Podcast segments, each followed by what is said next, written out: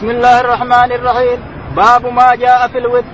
قال رحمه الله حدثنا عبد الله بن يوسف قال أخبرنا مالك عن نافع وعبد الله بن دينار عن ابن عمر رضي الله عنهما أن رجلا سأل رسول الله صلى الله عليه وسلم عن صلاة الليل فقال صلى الله عليه وسلم صلاة الليل مثنى مثنى فإذا خشي أحدكم الصبح صلى ركعة واحدة توتر له ما قد صلى. وأن نافع أن عبد الله بن عمر كان يسلم بين الركعة والركعتين في الوتر حتى يأمر ببعض حاجته. يقول البخاري رحمه الله انتقل رحمه الله إلى أحكام الوتر أحكام قيام الليل تصلي ليل الإنسان بالليل لك تهجد بينك وبين ربك في الليل في بيتك الإنسان ولك وتر لك ذلك أي ساعة تشاء وأي ساعة يريد الله أن يوقظك لأنك استيقظت تقول الحمد لله الذي أيقظني والحمد لله الذي رآني لذلك أهلا. الحمد لله الذي من علي بالقيام ورآني لذلك أهلا للقيام أهلا.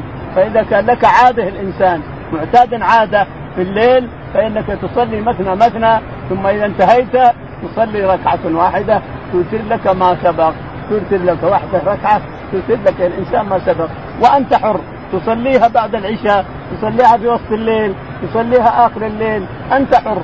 لكن أفضل الأوقات أن تنتظر إلى نزول الرب تعالى وتقدس آخر الليل. ثلث الليل الآخر ينزل ربنا تعالى وتقدس ومثل الليلة هذه الليالي هذه الساعة واحدة ونص تقريبا. الساعة واحدة ونص إلى طلوع الفجر. هذا ثلث الليل الآخر. نزول الرب إلى السماء الدنيا هل من سائل فأعطيه؟ هل من مستغفر فأغفر له؟ هم من من داع فأستجيب له؟ يدعي ربك تعالى العالم أمم الأرض النائمة يدعيهم رب العالمين ينزل إلى سماء الدنيا نزول يليق بجلاله وعظمته فينادي أمم الأرض يا عبادي هل من سائل فأعطيه هل من مستغفر فأغفر له أم من داع داع فأستجيب له؟ كل هذا وأنت تصلي الإنسان وتدعو ربك وربك يغفر لك. تدعيه يغفر تسأله يعطيك تستغفر له يغفر لك. خلاص لأنه سأل يقول هذا. قال هذا فهو تعالى وتقدس أحسن القائلين وأصدق الوعد من الناس كلهم من من خلق من الخلق.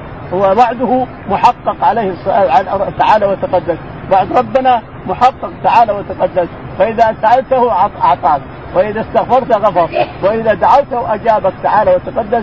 آخر الليل الأخير. آخر ثلث الليل الأخير. لكن إن كنت ما تستطيع وتريد أن توتر أول الليل أو وسط الليل فانت حر الإنسان. لكن صلاة الوتر صلاة القيام مثنى مثنى ثم توتر صلاتك بواحدة. انظر كم تصلي ثلاث تسليمات أربع تسليمات خمس تسليمات ثم واحدة. ابن عمر رحمه الله كان يصلي ثم يسلم ثم يكلم الناس بين الركعتين والركعتين. لا بأس بذلك. أنا بدالي حاجة صليت ركعتين ثم بدالي حاجة وأنا بصلي لكن بدالي حاجة. يا فلان سوي كذا وكذا. يا فلان سوي كذا وكذا يا علان سوي كذا وكذا.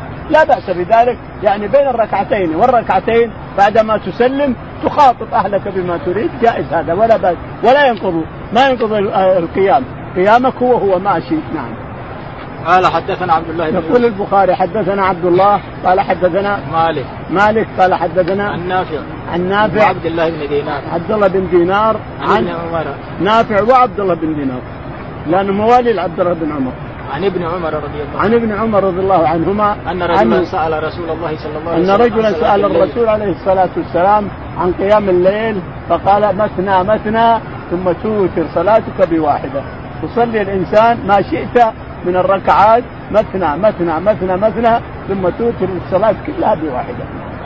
قال رحمه الله حدثنا عبد الله بن مسلمة عن مالك عن مخرمة بن سليمان عن كريب أن ابن عباس رضي الله عنهما أخبره أنه بات عند ميمونة وهي خالته فاضطجعت في عرض وسادة واضطجع رسول الله صلى الله عليه وسلم وأهله في طولها فنام حتى انتصف الليل أو قريبا منه فاستيقظ يمسح النوم عن وجهه ثم قرأ عشر آيات من آل عمران ثم قام رسول الله صلى الله عليه وسلم إلى شن معلقة فتوضأ فأحسن الوضوء ثم قام يصلي فصنعت مثله فقمت إلى جنبه فوضع يده اليمنى على رأسي وأخذ بأذني يفتلها ثم صلى ركعتين ثم ركعتين ثم ركعتين ثم ركعتين ثم ركعتين ثم ركعتين ثم أوتر ثم اضطجع حتى جاءه المؤذن حتى جاءه المؤذن فقام فصلى ركعتين ثم خرج فصلى الصبح.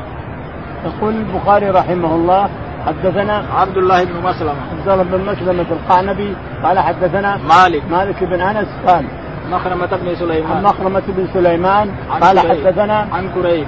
عن فليح بن عن كريب. عن كريب مولى بن عباس عن ابن عباس رضي الله عنهما أنه كان يبيت عند خالته ميمونة بعدما تزوجها الرسول. سنة سبع تزوج ميمونة عليه الصلاة والسلام في مكة هنا فذهب سنه سنة سنة سبع. فذهب بها إلى المدينة. فكان عبد الله بن عباس يأمره أبوه العباس أن يبيت عند خالته. يقول ابن عباس فكنت أبيت أنا بعرض المخدة والرسول هنا والميمونة هنا. هذا طول المخدة. الرسول هنا وميمونه هنا وأنا بعرضها. الغلام بعرضها. يقول فيقوم الرسول عليه الصلاة والسلام. ينام ما شاء الله أن ينام ثم يقوم آخر الليل ثم يتوضأ من شنة عنده ثم يصلي يكبر. يقول فأقوم أنا. وأتوضأ ثم أجلس عن يساره فأخذ يغسل اذني ويجرني من بيده اليمنى حتى أوقفني عن يمينه يقول فصلى ركعتين ثم ركعتين ثم ركعتين ثم ركعتين ثم ركعتين كم هذه؟ هذه عشر ركعات ثم صلى الوتر واحد أوتر ثلاث مرات أوتر بثلاث ثم نام حتى نفق وجاءه وجاءه بلال يؤذنه بصلاة الفجر فصلى ركعتين بعدما أتاه بلال وذهب وصلى بالناس.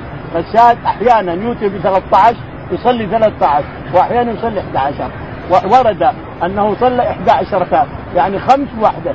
وورد أنه صلى خمس ثلاث صلى خمس ثلاث ورد عن ابن عباس وعائشة أنه صلى ثلاثة عشر ركعة. وورد أنه صلى إحدى عشرة ركعة. كل واحد منهما تصلي الإنسان على كيفه. تصلي خمس تسليمات تصلي تسليمتين تصلي أربع تسليمات. تصلي ما تريد الإنسان أنت حر في بيتك تصلي ما تشاء. ثم بعد ذلك أوتر بواحدة. ثم بعد ذلك أوتر بواحدة. ويقبل الله تعالى ولك الإنسان. وأفضل ما قلت لكم أنه نزول الرب تعالى وتقدس آخر الليل هو الأفضل. لكن أنت حر في وترك أي وقت توتر فأنت توتر الإنسان والله أعلم. اللهم اهدنا فيمن هديت وعافنا فيمن عافيت وتولنا فيمن توليت. اللهم توفنا مسلمين وألحقنا بالصالحين على الصلاه